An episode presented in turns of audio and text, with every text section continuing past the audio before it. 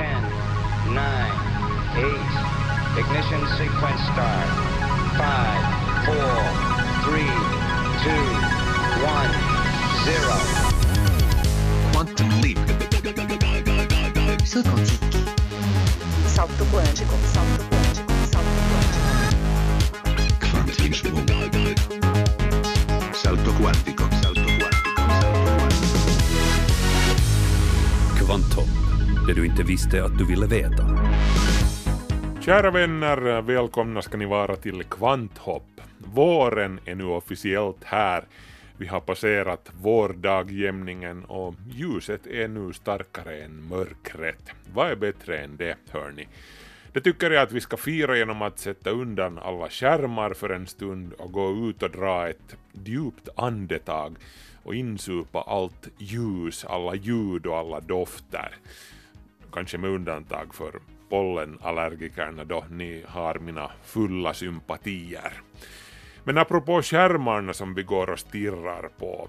Visste du att molnet, det vill säga alla datahallarna som innehåller alla de där bilderna som vi delar och filmerna som vi streamar.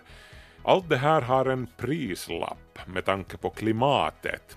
Vårt behov av att ständigt vara uppkopplade ger just nu upphov till lika stora koldioxidutsläpp som den globala flygtrafiken. Om det här ska det handla i den här veckans kvanthopp. Men vi ska också tala om någonting helt annat. Raimo Savolainen heter mannen vars synnerligen förtjänstfulla bok om J.V. Snellmans liv och gärningar med bildningens kraft nyss har kommit ut på svenska. Det ska handla om nationalism då och nu och om bildningsidealet som Snellman, Topelius och Runeberg och de övriga Finlands founding fathers så att säga värnade om. Hur står det till med det idealet i en tid som talar så föraktfullt om all världens docenter?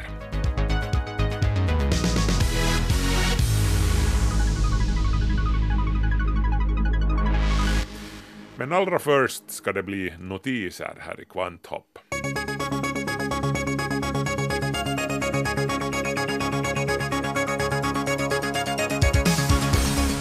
Den här veckan har det varit mycket snack om en meteor av lite grövre kaliber så att säga som exploderade i atmosfären över Berings hav i december. Det var alltså fråga om en liten asteroid eller meteor, stor som en buss ungefär, men med en vikt på 1500 ton.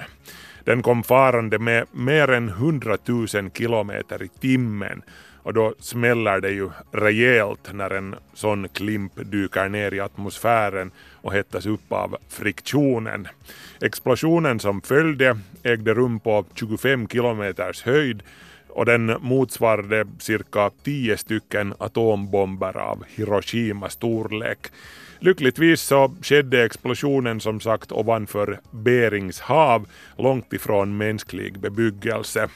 För sex år sedan exploderade en liknande sten, faktiskt ännu lite större till och med, ovanför Tjeljabinsk i Ryssland, vilket ledde till att 1500 människor fick söka läkarvård. Den andra nyheten om naturens raseri den här veckan handlar om cyklonen Idai som har dragit fram över bland annat Mosambik och orsakat de värsta stormskadorna någonsin på södra halvklotet. Cyklonen Idai var inte så oerhört stark om man ser bara på vindstyrkan. Den motsvarade en kategori 3 storm på Saffir-Simpson-skalan då den var som starkast. Men cyklonen rev upp en oerhörd stormflod med vattennivåer 6 meter över det normala. Ovädret dumpade också enorma mängder regn på området, mer än 400 millimeter på några dagar, vilket fick floderna i området att svämma över och täcka de låglänta kustmarkerna och floddalarna. Bara i hamnstaden Beira i Mosambik har tusentals hem jämnats med marken. Minst tusen liv har gått förlorade. Forskare har redan tidigare varnat för att den här sortens översvämningar och stormskador blir vanligare i framtiden då atmosfären ju innehåller mer fukt och stormarna dröjer kvar längre då de en gång anländer. Merkurius, solsystemets innersta planet, tycks kretsa runt solen mitt i ett moln av kosmiskt stenstoft. Det här baserat på färska data från NASAs Stereo-satellit. Ett liknande spår av stenstoft finns också vid Venus omloppsbana. Astronomerna tror att den kosmiska sanden kan härstamma från ännu oupptäckta asteroider som följer Venus i spåren. De här rymdstenarna skulle i så fall inte härstamma från asteroidbältet mellan Mars och Jupiter utan de har antagligen uppstått där de är nu under solsystemets barndom. Så kan vi ännu notera att japanska och ryska forskare har lyckats återuppliva 28 000 år gamla mammutceller. Engineering and Technology skriver om det här. Mammutcellerna ympades in i en mus där de visade tecken på biologisk aktivitet, beskriver forskarna. Den som nu väntar sig en återuppstånden mammut i stil med dinosaurierna i Jurassic Park-filmen blir dock besviken. Mammutcellernas DNA var så pass illa medfaret efter årtusenden i permafrosten att informationen inte räcker till för att klona en ny mammut. Cellerna i fråga härstammar hur som helst från en ullhårig mammut vid namn Juka som upptäcktes i Sibirien 2010 och som är en av de bäst bevarade mammutkropparna som existerar.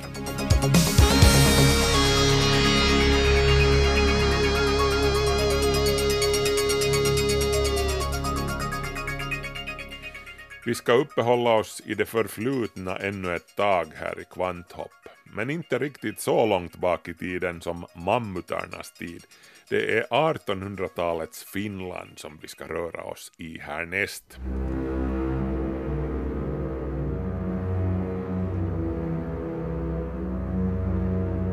Vi har vant oss vid att tänka på nationalism som någonting lite suspekt och rent av farligt, någonting som ytterhögern sysslar med. Och ofta är det ju så. Men det fanns en tid här i Finland på 1800-talet då en dos med patriotisk väckelse var nödvändig för att den unga nationen Finland ens skulle kunna bli till. Figurer som Topelius, Runeberg, Snellman och Mekelin kan på sätt och vis kallas Finlands landsfäder, eller som amerikanerna säger, founding fathers. Utan deras fosterländska iver skulle historien kanske ha sett väldigt annorlunda ut för Finlands del.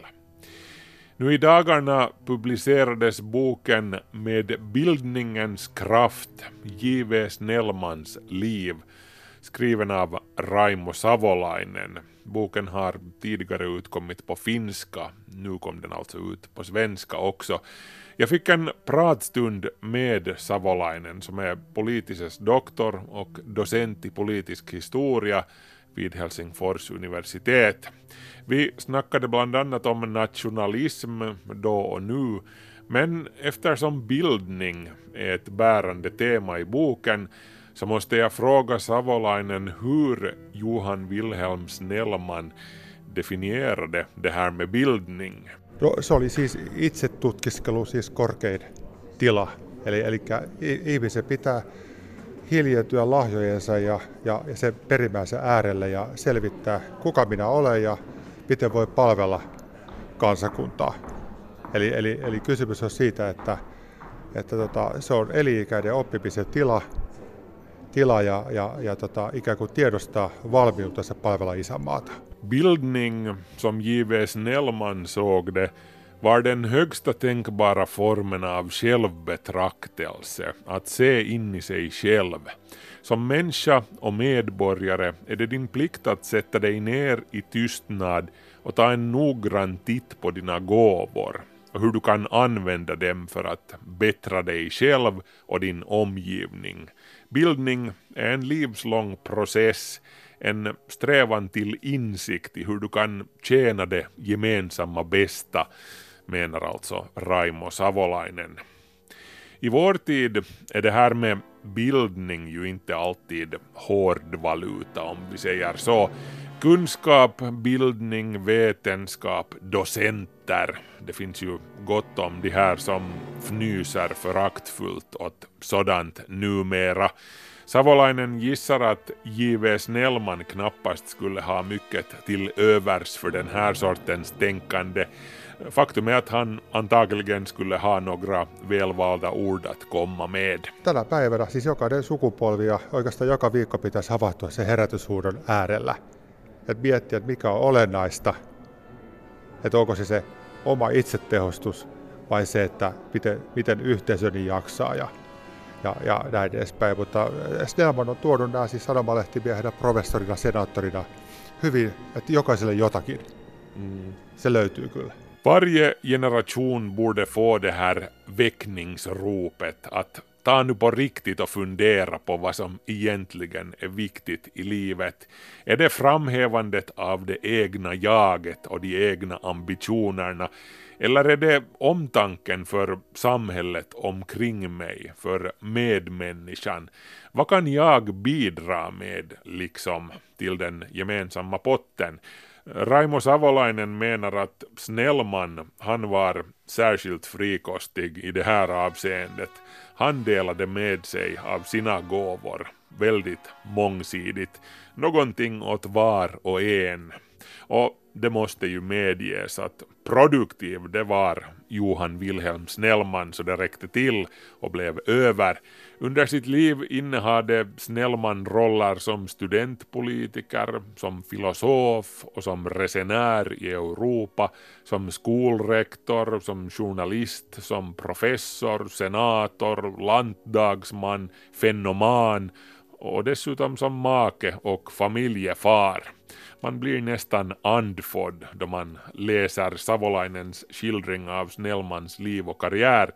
Vissa tycks bara ha några timmar extra på klockan. No se, tämä on tosiaan, tosiaan niin järisyttävä ja sanotaan, että, että kaikki muun oikeastaan kesti, mutta se Kuopion aika, se, se, se, se kun se kirjoitti siis yötä päivää, siis niitä sanomalehtijuttuja ja, ja opetti koulussa ja hoiti vielä perheisän tehtävän, mutta siinä on vaan pakko niin kuin todeta se, että laatu korvaa varmaan määrään. Mm. Että siis pitkään vuorokauden ei riitä siihen suorittamiseen, mutta se innostus ja se palavuus vei hänet lopulliseen voittoon.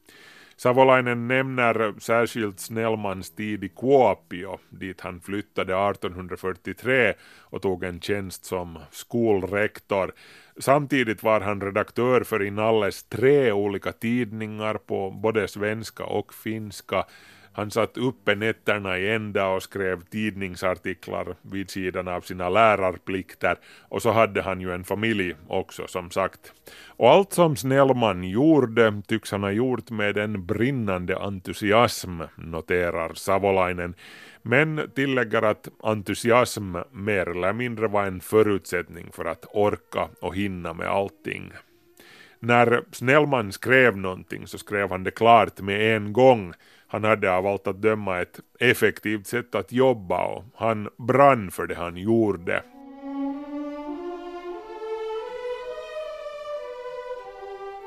Snellman brann ju också som vi vet för det finska språket och den finska kulturen.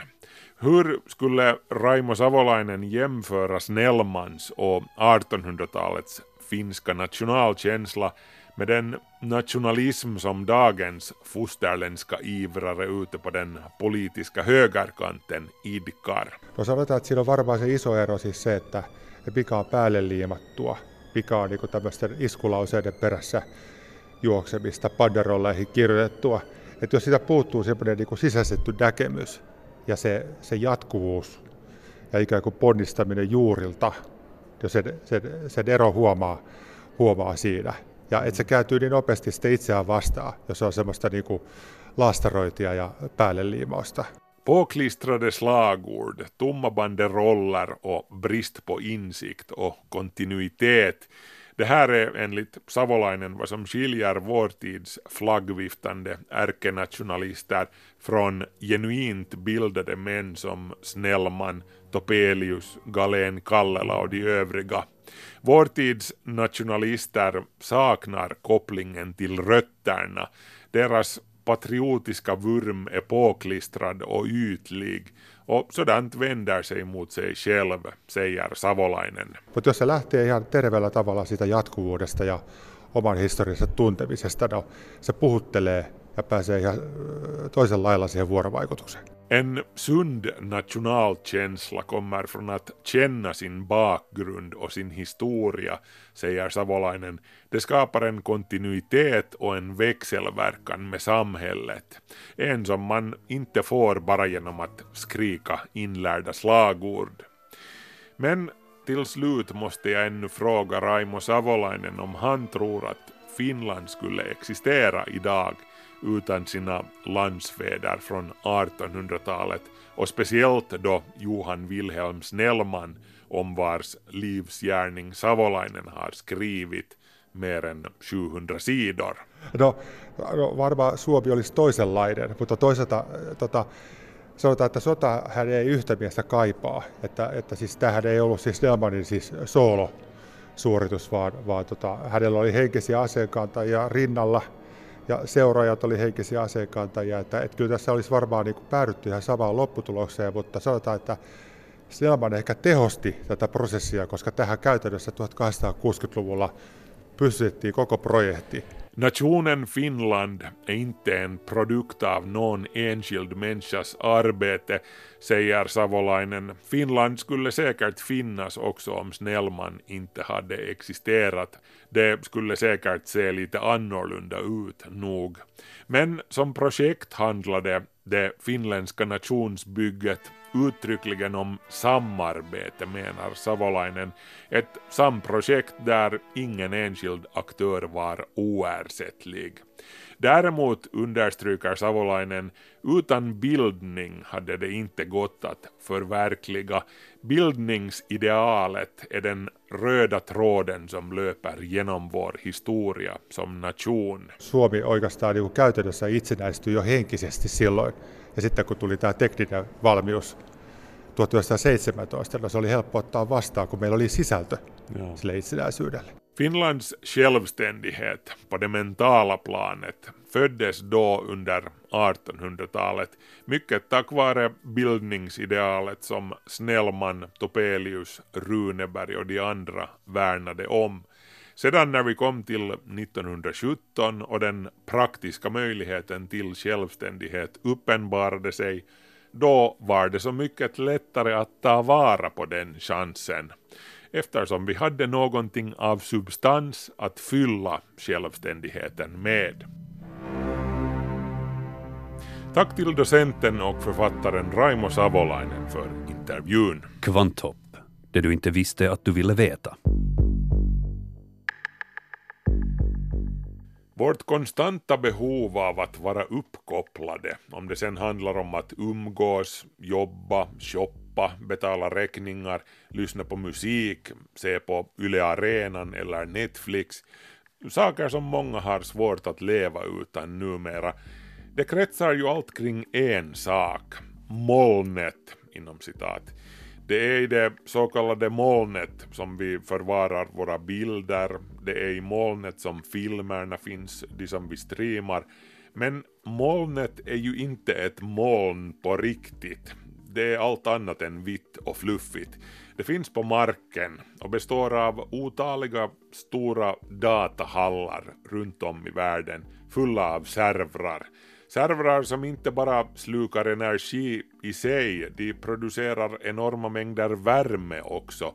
Det här kräver ytterligare energi att kyla ner dem. Allt det här ger upphov till koldioxidutsläpp som är lika stora som för hela världens flygtrafik sammanlagt, tro det eller inte. Eh, vart kommer det här att leda? Jag menar, IT-sektorn växer ju explosionsartat hela tiden. Vårt behov av molnet bara växer. Det här ska det handla om under den kommande halvtimmen här i Kvanthopp. Sveriges Radios miljöprogram Klotet har gjort ett utomordentligt fint specialprogram på det här temat och det här ska Kvanthopps lyssnare också få ta del av nu. Programvärd för klotet är Niklas Sakrisson och allra först ska vi göra en avstickare i Göteborg där reportern Agnes Waxén talar med Fatima och Per som likt så många andra ständigt har mobilen i handen.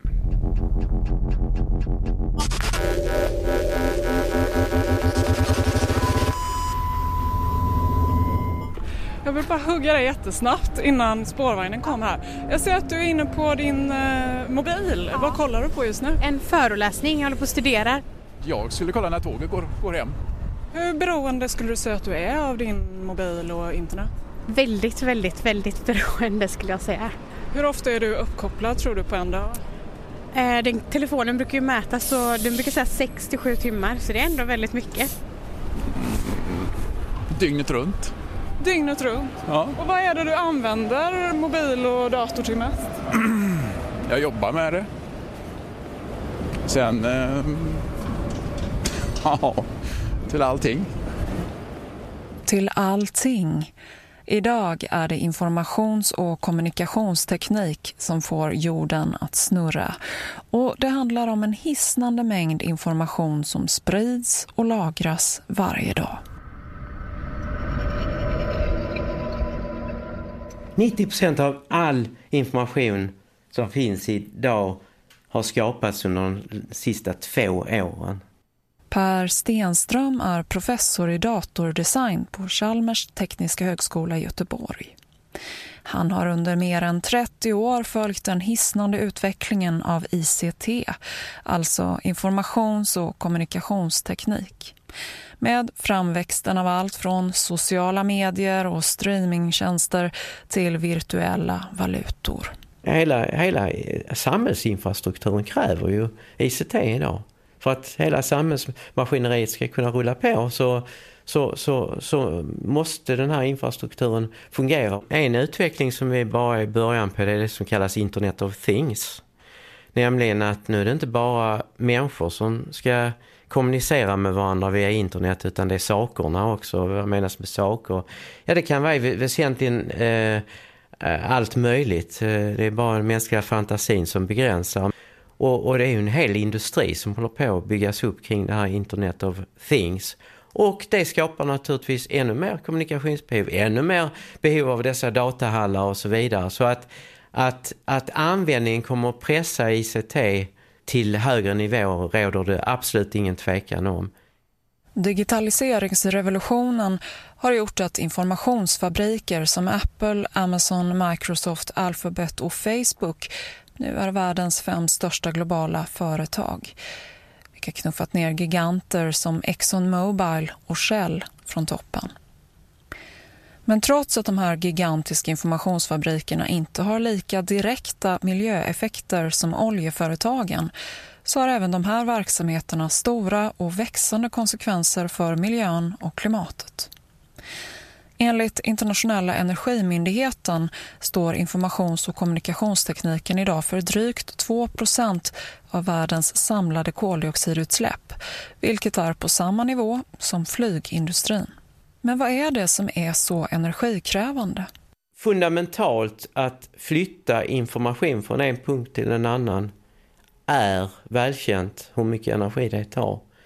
Och jag kan liksom inte komma på något sätt hur vi ska kunna flytta information. Eller med det sättet som ICT används liksom i sociala nätverk och så vidare utan att flytta information. Eh, jag kan inte komma på något med den teknologi vi använder just idag. Fast koldioxidutsläppen hade kunnat vara mycket större med tanke på hur explosionsartad tillväxten av ICT har varit, det menar Per Stenström. Att hålla nere energiförbrukningen och därmed kostnaden har alltid varit ett prioriterat forskningsområde. när det gäller eh, ICT-teknologi så är ju alla forskare superfokuserade på att hitta förbättringar hela tiden. Det har styrt eh, mitt forskningsprogram under, vad kan det vara nu, 15 år. Så har jag, i princip alla doktorander jag har haft har haft eh, energieffektivitet som ett tema. Överhuvudtaget så så ökar ju användning av ICT så det, det, det, pressar ju hela tiden upp eh, elförbrukningen helt enkelt. Men den hade ju varit betydligt mycket, du, vi sa ju inledningsvis 2-3% det hade varit uppe i lätt 20% om man inte hade gjort någonting åt det. Men hur fungerar det? Och vad händer egentligen med den där tjusiga selfien du postade på Instagram eller Facebook? Vad man brukar höra talas om den skickas upp i molnet och sen så sprids den då där till eh, de som eh, har tillgång till eh, som du har tillgång till i ditt sociala nätverk. Men molnet är egentligen då eh, en av flera så kallade datahallar, det vill säga stora installationer av massor med datorer som tar hand om detta och sen skyfflar det vidare i världen. De här datahallarna kan beskrivas som lagerlokaler för dataservrar. De största kallas hyperscale datacentraler större än flyghangarer där man hanterar minst 5 000 dataservrar. Redan idag finns det drygt 400 sådana runt om i världen och det byggs nya hela tiden för att tillgodose det växande behovet. Industrialiseringen av datalagringen visar inga tecken på att avta, tvärtom. Och det har ju visat sig vara ett eh, ekonomiskt eh, framgångsrikt recept. Så att, och i Eh, ökande användning eh, så, eh, så ökar naturligtvis det här med molntjänster och allting sånt. Men trots att man gjort stora landvinningar vad gäller att hålla nere elförbrukningen i de här datahallarna genom mer strömlinjeformad databehandling, effektivare nedkylning av servrar och i vissa fall återanvändning av den värme som skapas, så är frågan hur framtiden ser ut. För vårt behov av information och kommunikation kommer med all sannolikhet att öka.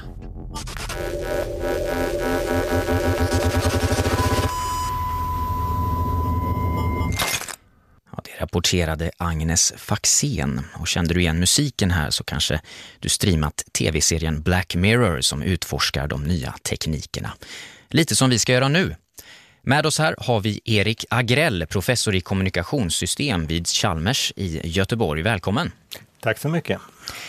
Eh, lika stora koldioxidutsläpp som flyget hörde vi här för informations- och kommunikationstekniksektorn. Om vi reder ut först då, vad, vad är det här? Vad är det vi pratar om när vi säger ICT? Ja, förenklat kan man väl säga att ICT omfattar internet och alla uppkopplade prylar, alla datorer vi har i hushåll, företag, datahallar med andra ord hela den infrastruktur som samhället behöver för att hantera stora mängder digital information. Okej, och då ska jag bara lägga till här också att när man gör den här jämförelsen med flyget så räknas alltså inte flygets höghöjdspåverkan med i flygets utsläpp. Partiklar och kondens som släpps ut på hög höjd bidrar också till växthuseffekten. Men när det bara gäller rena koldioxidutsläpp så är det alltså samma siffra för IT-tekniken som för flyget. Men vad är det då som Eh, Erik Agrell, vad är det som orsakar själva utsläppen? Eh, utsläppen kommer från flera olika eh, platser och ändamål som vi, som vi hörde i reportaget. Dels är det själva behandlingen av data, beräkningar som görs i de här datahallarna som Per Stenström nämnde och dels är det transporterna av data. Att skicka stora mängder data mellan datahallar kostar energi och likaså att skicka dem till slutanvändarna, det vill säga oss konsumenter och uppkopplade prylar. Men räknas det med det här också att vi i stort sett ja, behöver kyla ner stora serverhallar och det här att vi laddar våra mobiler och sånt? Är det också en del av det här eller är det bara ettorna och nollorna som, som, som räknas? Eller? Nej, man brukar lägga på det som behövs som kringutrustning för att få det att fungera också.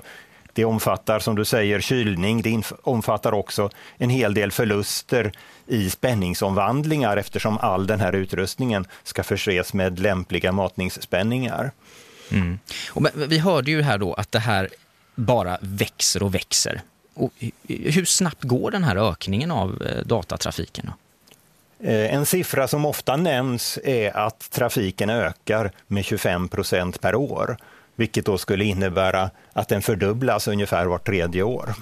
Men okej, okay, så att det här växer jättemycket ändå. Vad skulle du säga, är det här ett problem? Ja, visst är det ett problem. Ehm, Och varför då? Jo, för att elektricitetsproduktionen inte ökar med samma takt. Elektriciteten ökar med kanske 3-4 procent per år, vilket innebär att man fördubblar den på 20 år.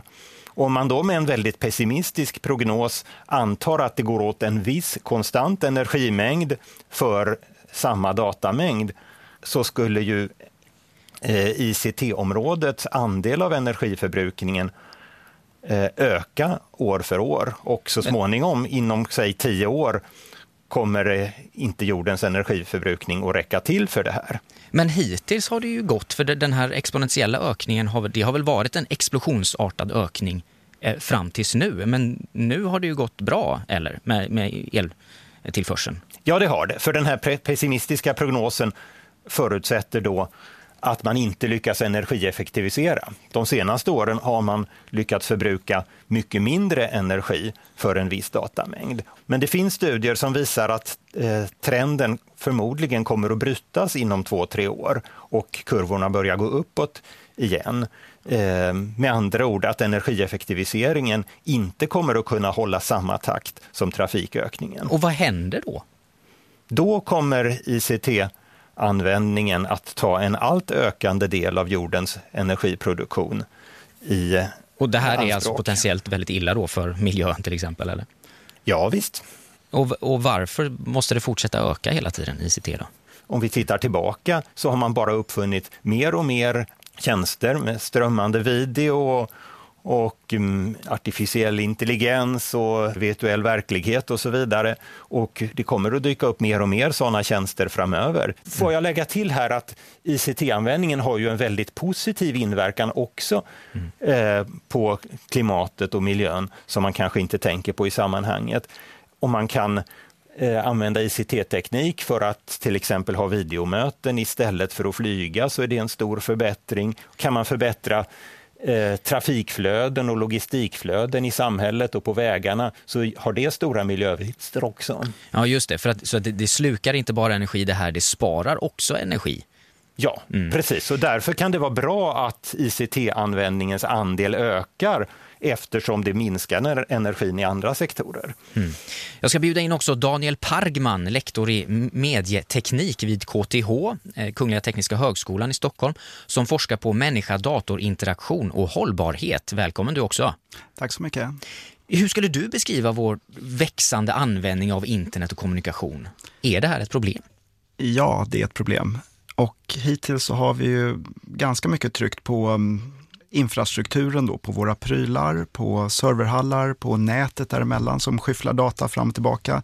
Jag skulle vilja framhäva två andra saker. Då, då. Det ena är att ökad utveckling av infrastrukturen ger nya möjligheter att ta fram tjänster som det finns en eh, affärsnytta med. Och vi är väldigt snabba på att ta till oss det och, ändra, och börja använda de tjänsterna och ändra våra beteenden, vilket i sin tur driver fram nya krav på ökad infrastruktur och utbyggnad av den, nya serverhallar och så vidare. Så fortsätter det så några varv till. Och varför är det ett problem? Då? Ja, det tycker jag väl är ganska uppenbart att det är ett problem. Det låter som det, den tekniska ja, utvecklingen helt enkelt. Det, det, finns inget stopp. Man skulle ju kunna fundera över, jag skulle vilja då framhäva och trycka på om det finns något, några gränser för våra beteenden. Om, om vi vill och kan ta till oss allt, om det finns några gränser eller om det är elförbrukningen hos eh, serverhallar som sätter gränserna till slut. Eller kan vi begränsa oss? Okej, okay. för vad tror du att vi måste göra? Vi måste begränsa oss alltså, tror du? Ja, det verkar ju som att vi är väldigt snabba på att ta till oss eh, precis vad som helst. För till exempel så kan jag ju nu filma min pendlingsresa med en kamera i bilen eller på min cykelhjälm och eh, den kanske backas upp automatiskt och med stor sannolikhet kommer ingen någonsin vara intresserad av det, inte ens jag själv. Men det backas upp varje dag, det skapar trafik, det, det tar plats. åker upp till molnet alltså? Då. Det åker upp, men någonstans, ja precis. Och, och, det är inte bara jag då, då kanske, utan det är några miljoner fler och fler och fler med tiden. som exempel. Mm. Men eh, kan du beskriva exakt vad, vad hållbarhetsproblemet här är, eller de konkreta miljöproblemen med den här utvecklingen? Då? Alltså det konkreta miljö, miljöproblemet har vi kanske då beskrivit. Vi, vi har pratat mycket om elförbrukning och dess koldioxidavtryck. Jag skulle också vilja trycka på att vi i snabb takt skaffar nya prylar. Eh, de kanske inte funkar längre för att fortsätta göra det vi gjorde förut och vi kanske vill göra nya saker och behöver då byta ut våra prylar. Och det är inte bara våra prylar utan det är nätet i sig och det är serverhallarna som behöver Ständig resursförbrukning då av, av, av prylar helt enkelt menar du? Absolut. Och eh, att ladda min mobil tar inte mycket el men eh, den kanske utövar då betydligt större tryck på resurser på internet bortom just mitt eluttag hemma. Eh, just för att jag skyfflar data och för att det behövs eh, serverhallar som ska serva mig. Men det här är ju något som vi inte tänker på, eller jag hade knappt funderat på det här tidigare då. Varför tror du att det finns en sån okunskap kring det här? Eller att man inte tänker på att faktiskt ens strömmande skapar utsläpp? Ja, det faktum att du då inte har tänkt på det, de flesta kanske inte har gjort det, är ju i sig ett problem. Det betyder att vi pratar ju inte om det här. Vi skulle börja, börja prata om det till att börja med. Sen kan vi gå in på vad problemet är. Mm. Men, men om vi börjar prata om, om, om lösning på problemet, vad, vad skulle det vara då, anser du? Eh, jag skulle säga att det kan ju hända att det är ganska få som, eh, om vi tar en liten analogi här med ekologisk mat, det kanske är få som köper ekologisk mat för att rädda klimatet eller rädda världen. Eh, det är fler man kan nå om man tänker sig att ekologisk mat också är bättre för mig och för mina barn på motsvarande sätt så skulle vi behöva hitta skäl till varför vi skulle behöva hitta gränser för vår användning också. Alltså att vi behöver hålla, hålla oss tillbaks lite. Vi ska inte använda eh, data, data så mycket helt enkelt. Ja, det finns väl många exempel på att eh, snabb eller ökande användning av prylar i hemmen eh, kan vara problematiskt för våra relationer med partners, med barn. Det kan vara vårt eget digitala välbefinnande. Vi kanske lägger för mycket tid på att spela eller sociala medier och så vidare. Eller produktiviteten på jobbet för den delen. Mm. Erik Agrell, vad säger du om det här kommunikationssystemforskare på Chalmers? Eh, håller du med om att det här är, är lösningen, att, att vi ska ändra vårt beteende helt enkelt? Jag tror att det är helt rätt att det är en del av lösningen. Samtidigt så måste man ju jobba med tekniska lösningar också eh, och fortsätta att hitta lösningar för energieffektivisering som, fortfarande, som hittills har varit ganska framgångsrikt och naturligtvis öka produktionen av grön el så långt det är möjligt. Och när det gäller energieffektivisering, kan du berätta lite vad ni gör konkret i er forskargrupp? Ja, i vår forskargrupp på Chalmers använder vi matematiska modeller för att konstruera nya typer av sändare och mottagare i kommunikationssystem. Eh, den digitala informationen, alltså ettor och nollor, kan representeras på så många olika sätt. Och vi försöker finna det sätt som är bäst lämpat för det aktuella mediet. Det är helt olika lösningar, till exempel om man jobbar med ett optiskt fibernät eller med trådlös kommunikation. Men om vi tar då fiberkablarna som går utanför våra hus och, byggnaderna i, i Sverige idag, hur effektiva är de? Är det sånt som ni försöker effektivisera då? Alltså, eller? Ja, det har gjort stora framsteg på senare år, men det finns utrymme kvar för att effektivisera vidare. Hur mycket då? Hur mycket kan man effektivisera? Ja, vår målsättning är att hålla jämna steg med trafikökningen. Eh, så att om vi kan halvera energiförbrukningen för en viss datamängd på tre år så motsvarar det den fördubbling av trafiken som man förväntar sig under samma period. I så fall kommer vi att hålla oss på en konstant andel av energiproduktionen. Men vad tror du själv som, som just jobbar med detta och forskar på detta dagligen? Är det möjligt att effektivisera så pass mycket så att vi klarar de här eh, scenarierna fram till 2030 till exempel på den exploderande datatrafiken? Jag tror inte det är möjligt att effektivisera lika, lika snabbt som datatrafiken har ökat. Alltså trafiken fördubblas ju som sagt på tre år och att vi skulle halvera energiförbrukningen för samma mängd data var tredje år, det tror nog inte ens de mest optimistiska forskarna. Mm. Och Det som förväntas öka mest ska vi säga vad gäller energianvändning framöver är molnet. Alltså de enorma datacenter och serverhallar som krävs för att behandla all information. De kräver bland annat enorma mängder energi bara för att kylas ner. Och nu ska vi till Norge där man kommit på ett fiffigt sätt att förvara och att kyla de här servrarna, nämligen i en gammal gruva med kallt fjordvatten till hjälp. Det kallas för den norska lösningen och vår reporter Agnes Faxén följer med ner i gruvan där man tidigare utvann den gröna mineralen olivin. Idén kom egentligen på en fjälltur för eh, några år sedan hvor eh, han som tidigare har utvinnet gruven, sa att eh, nu tar vi grönt mineral ut och prutter vi grön IT in. Ja, vad ska man göra med en gammal uttjänt gruva i en värld som har ett växande behov av datalagring? Jag befinner mig tillsammans med Mats Andersson, marknadschef på Leftol Mine Datacenter på en väg som slingrar sig längs ett hisnande fjordlandskap strax utanför den lilla staden Målöj på den norska västkusten för att ta reda på vad den norska lösningen är. Vi är nå bare fem minutter fra, fra Lefdal, så nu är vi snart framme.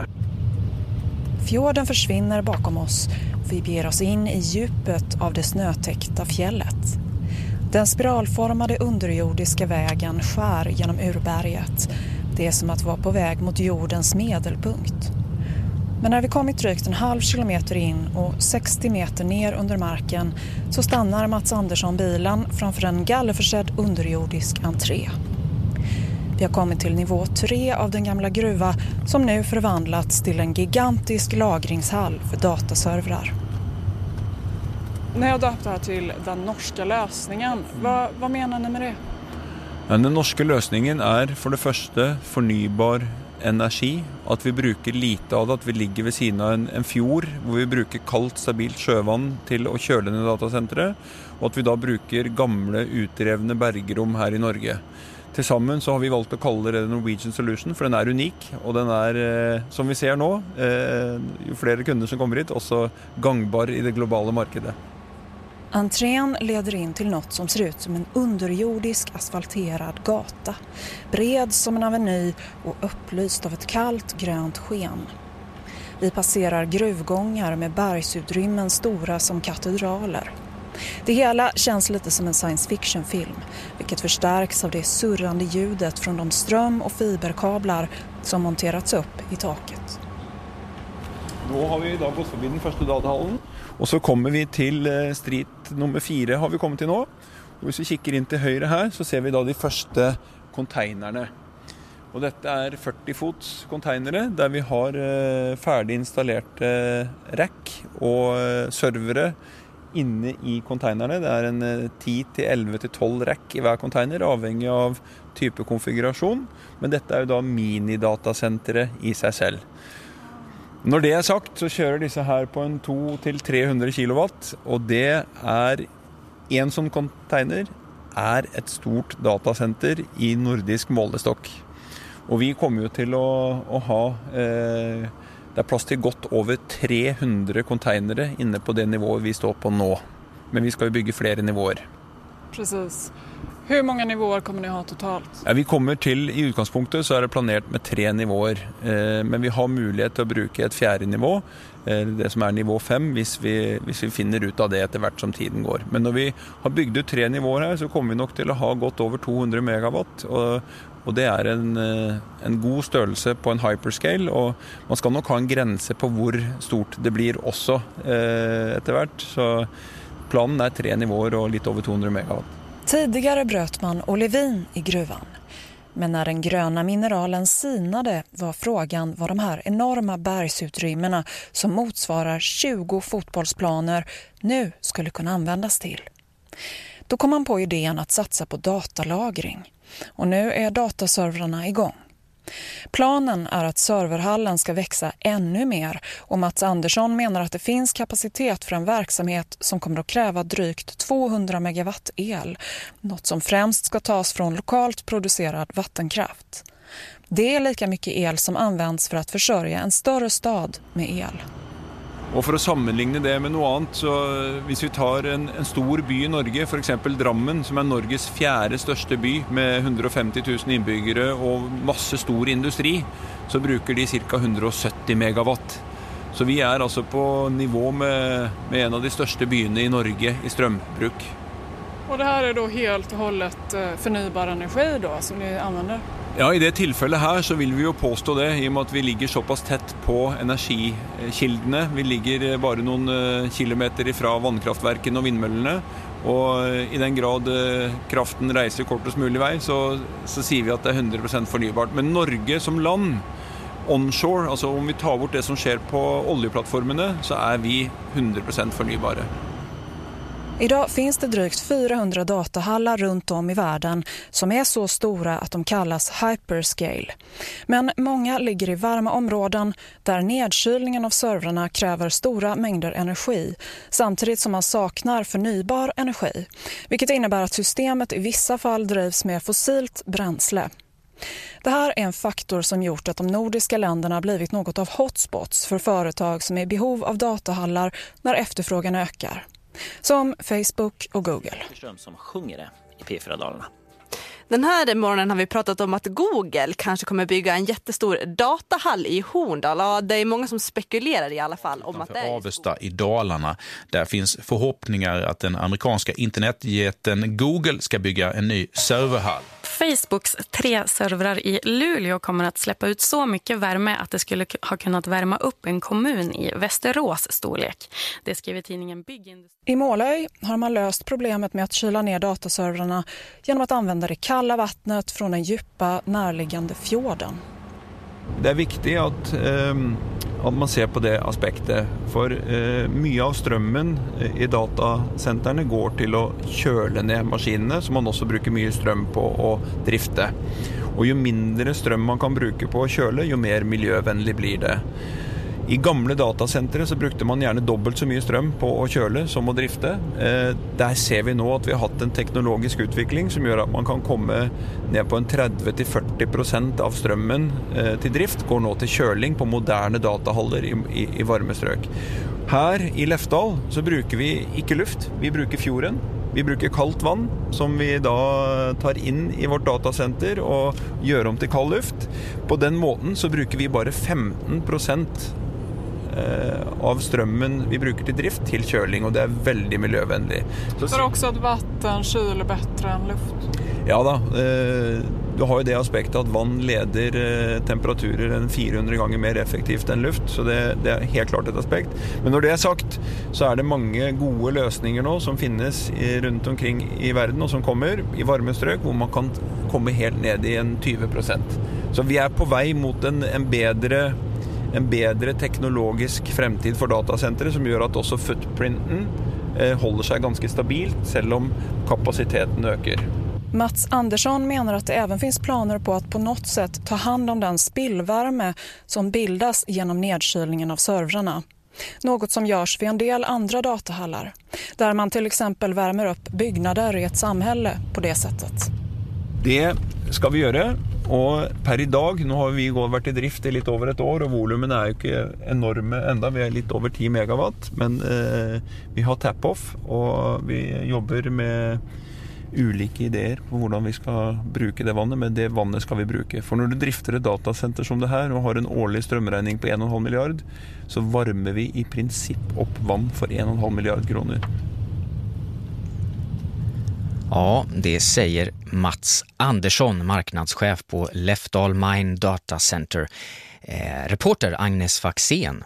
Du lyssnar på Vetenskapsradions miljöprogram Klotet som idag handlar om datatrafiken som ökar i exploderande takt. Daniel Pargman forskar i medieteknik vid KTH. Här uppe i norr så har vi alltså så kallade hotspots för sådana här serverhallar som vi hörde om här i reportaget. Tack vare att det är kallt här helt enkelt. Och Facebooks serverhallar i Luleå ska ju bli en av världens största. Eh, finns det någon nackdel för oss att serverhallarna koncentreras hit upp?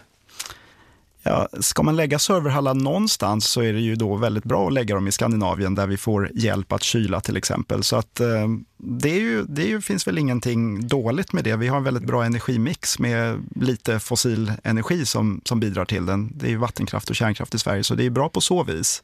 Ja, bara 1,3 procent av svensk elenergi kommer från fossila bränslen. Men eftersom datacentret eller molnet vi använder ofta ligger utomlands, som jag har hört, till exempel i USA då, där elmixen ser annorlunda ut, så blir det väl ändå en hel del utsläpp när vi strömmar härifrån. Ja, det finns ju lite olika saker som hakar i varandra för att eh, det är mindre koldioxidutsläpp här av, en, av elektriciteten i Sverige, men vi använder ju kanske lika mycket elektricitet för datahallen, så det vi hörde tidigare då om eh, problem med att, med att hålla med el, det försvinner ju inte för vi lägger datahallarna i Skandinavien till exempel. Just det, så det är ett, eh, ett globalt problem det här? Som man... Ja, absolut. Och vi kanske kommer behöva bygga ut även i Sverige då förstås. Om fler datacenter skulle ligga i Sverige så behöver vi generera mer el. Kan vi bygga ut vår vattenkraft? Vill vi bygga ut vår kärnkraft? Enligt IT-forskaren Anders André som skrivit om ICTs klimatavtryck så motsvarar två timmars Netflix, HBO och SVT Play-tittande en kilometer bilkörning med fossilt bränsle här i Sverige. Ser man till ett genomsnitt i världen så blir det några kilometer, alltså mer än dubbelt så mycket eftersom elen globalt är kopplad till mer fossila källor än i Sverige. Men det, så det är alltså enorma mängder energi som måste till för den här ökade datatrafiken i de här servrarna då. Erik Agrell, professor i kommunikationssystem vid Chalmers. Eh, sker det ett slöseri med data idag tycker du? Använder vi det här för mycket? Ja, det tycker jag. Eh, man skapar mycket trafik utan att tänka på det genom att det inte finns en medvetenhet om eh, det här problemet. Eh, exempelvis om man vill lyssna på musik så är det väl inte ovanligt att man sätter på en musikvideo och sen tittar man inte på filmen utan lyssnar bara på musiken. Och ljudet står för kanske någon procent av informationsinnehållet i en musikvideo. Så där slösar man bort 99 procent av kapaciteten utan att ha nytta av det. Daniel nämnde att man filmar en massa saker fastän man inte är intresserad av det. Våra datorer laddar ner mjukvaruuppdateringar stup i kvarten fastän vi kanske inte är intresserade av dem. Och vad gäller slöseri så vill jag nämna det kanske mest extrema exemplet som är de så kallade kryptovalutorna som bitcoin och andra. Det går åt enorma mängder energi för att utvinna de här valutorna, vilket kanske inte alla känner till. Va, hur då? Jo, man producerar bitcoin genom att göra mycket avancerade datorberäkningar. Beräkningar som inte tjänar någonting syfte mer än att just vara komplicerade så att det ska gå långsamt att få fram den här valutan, annars skulle det bli för mycket inflation. På Island finns det en datahall som inte gör något annat än utvinner bitcoins och den förbrukar mer energi än alla hushåll på hela Island. Det låter ju helt, eh, helt otroligt faktiskt. Det finns ett ännu mer extremt exempel i inre Mongoliet i Kina. Det är där de största datahallarna ligger just för bitcoinproduktion. De ligger där för att det är så billig kolkraft där och eh, ingen stark miljöopinion. Daniel Pargman, Eh, KTH, har du, fler, har du fler exempel på det här slöseriet som eh, Erik Agrell pratar om här? Absolut, eh, jag håller eh, helt med honom. Vi har ökad kvalitet, vi har super-HD-video, vi har video on demand, vi har livestreaming, vi, har, vi spelar spel över nätet, kanske 50 personer som är distribuerade i 50 olika länder i värsta fall, som spelar tillsammans, som genererar datatrafik den här videon vi säger som jag kanske filmade då när jag åkte tåg till Uppsala, låtsas vi. Jag kanske hade cykelhjälm på mig och ni har lite bilder av hur jag bläddrar i papper och tittar ut genom fönstret. Ja, den kanske är uppbackad på nätet nu då och jag kommer, den har inget värde för någon. Det sägs att alla tv-program som någonsin har älskats av någon finns på nätet, men det finns en himla massa grejer på nätet som inte älskas av någon, inte ens av mig själv i det här fallet. Men ändå kanske jag av någon anledning om en månad eller ett år kommer på att jag vill kolla på något i den. Då förväntar jag mig att den ska finnas där och jag förväntar mig att jag ska få ögonblicklig tillgång till den. Jag kanske vill ha möjligheten att dela den med andra om det av någon anledning händer något spännande. Jag förväntar mig att kunna titta på den när jag är på semester. Jag vill ha, nätet ska nå till vart jag nu är på semester. Jag ska kunna nå det på tåget. Jag vill ha wifi överallt. Um, och det du beskriver nu är alltså ett slöseri, ett stort problem ja, menar du? Att, ja, vi, att vi har det här behovet. Kan vi förändra det här beteendet då? Det här är ju väldigt outforskat kan vi säga. Men det finns ju en del beteenden. Jag skulle säga att det finns människor som är religiösa som prövar att eh, fasta och också då stänga av sin eh, användning av sociala medier till exempel. Eller hitta sätt kanske om man är religiös. Eh, en dag i veckan kan man låta bli att använda sociala medier. Det finns ju etikettsregler på alla möjliga områden. Även vi som dricker alkohol brukar ju kanske sällan göra det innan lunch eller på eftermiddagen. Vad skulle vi behöva för etikettsregler för vår användning av eh, mobiltelefoner eller datatrafik? Tack så mycket Erik Agrell, professor i kommunikationssystem vid Chalmers i Göteborg. Och tack också Daniel Pargman, lektor i medieteknik vid Kungliga Tekniska Högskolan. Yle Vega. Du hörde ett specialprogram från Sveriges Radios miljöprogram Klotet. Programvärd var Niklas Sakrisson. Kvanthopp är slut för den här veckan. Markus Rosenlund heter jag som nu säger tack och hej och vi hörs om en vecka.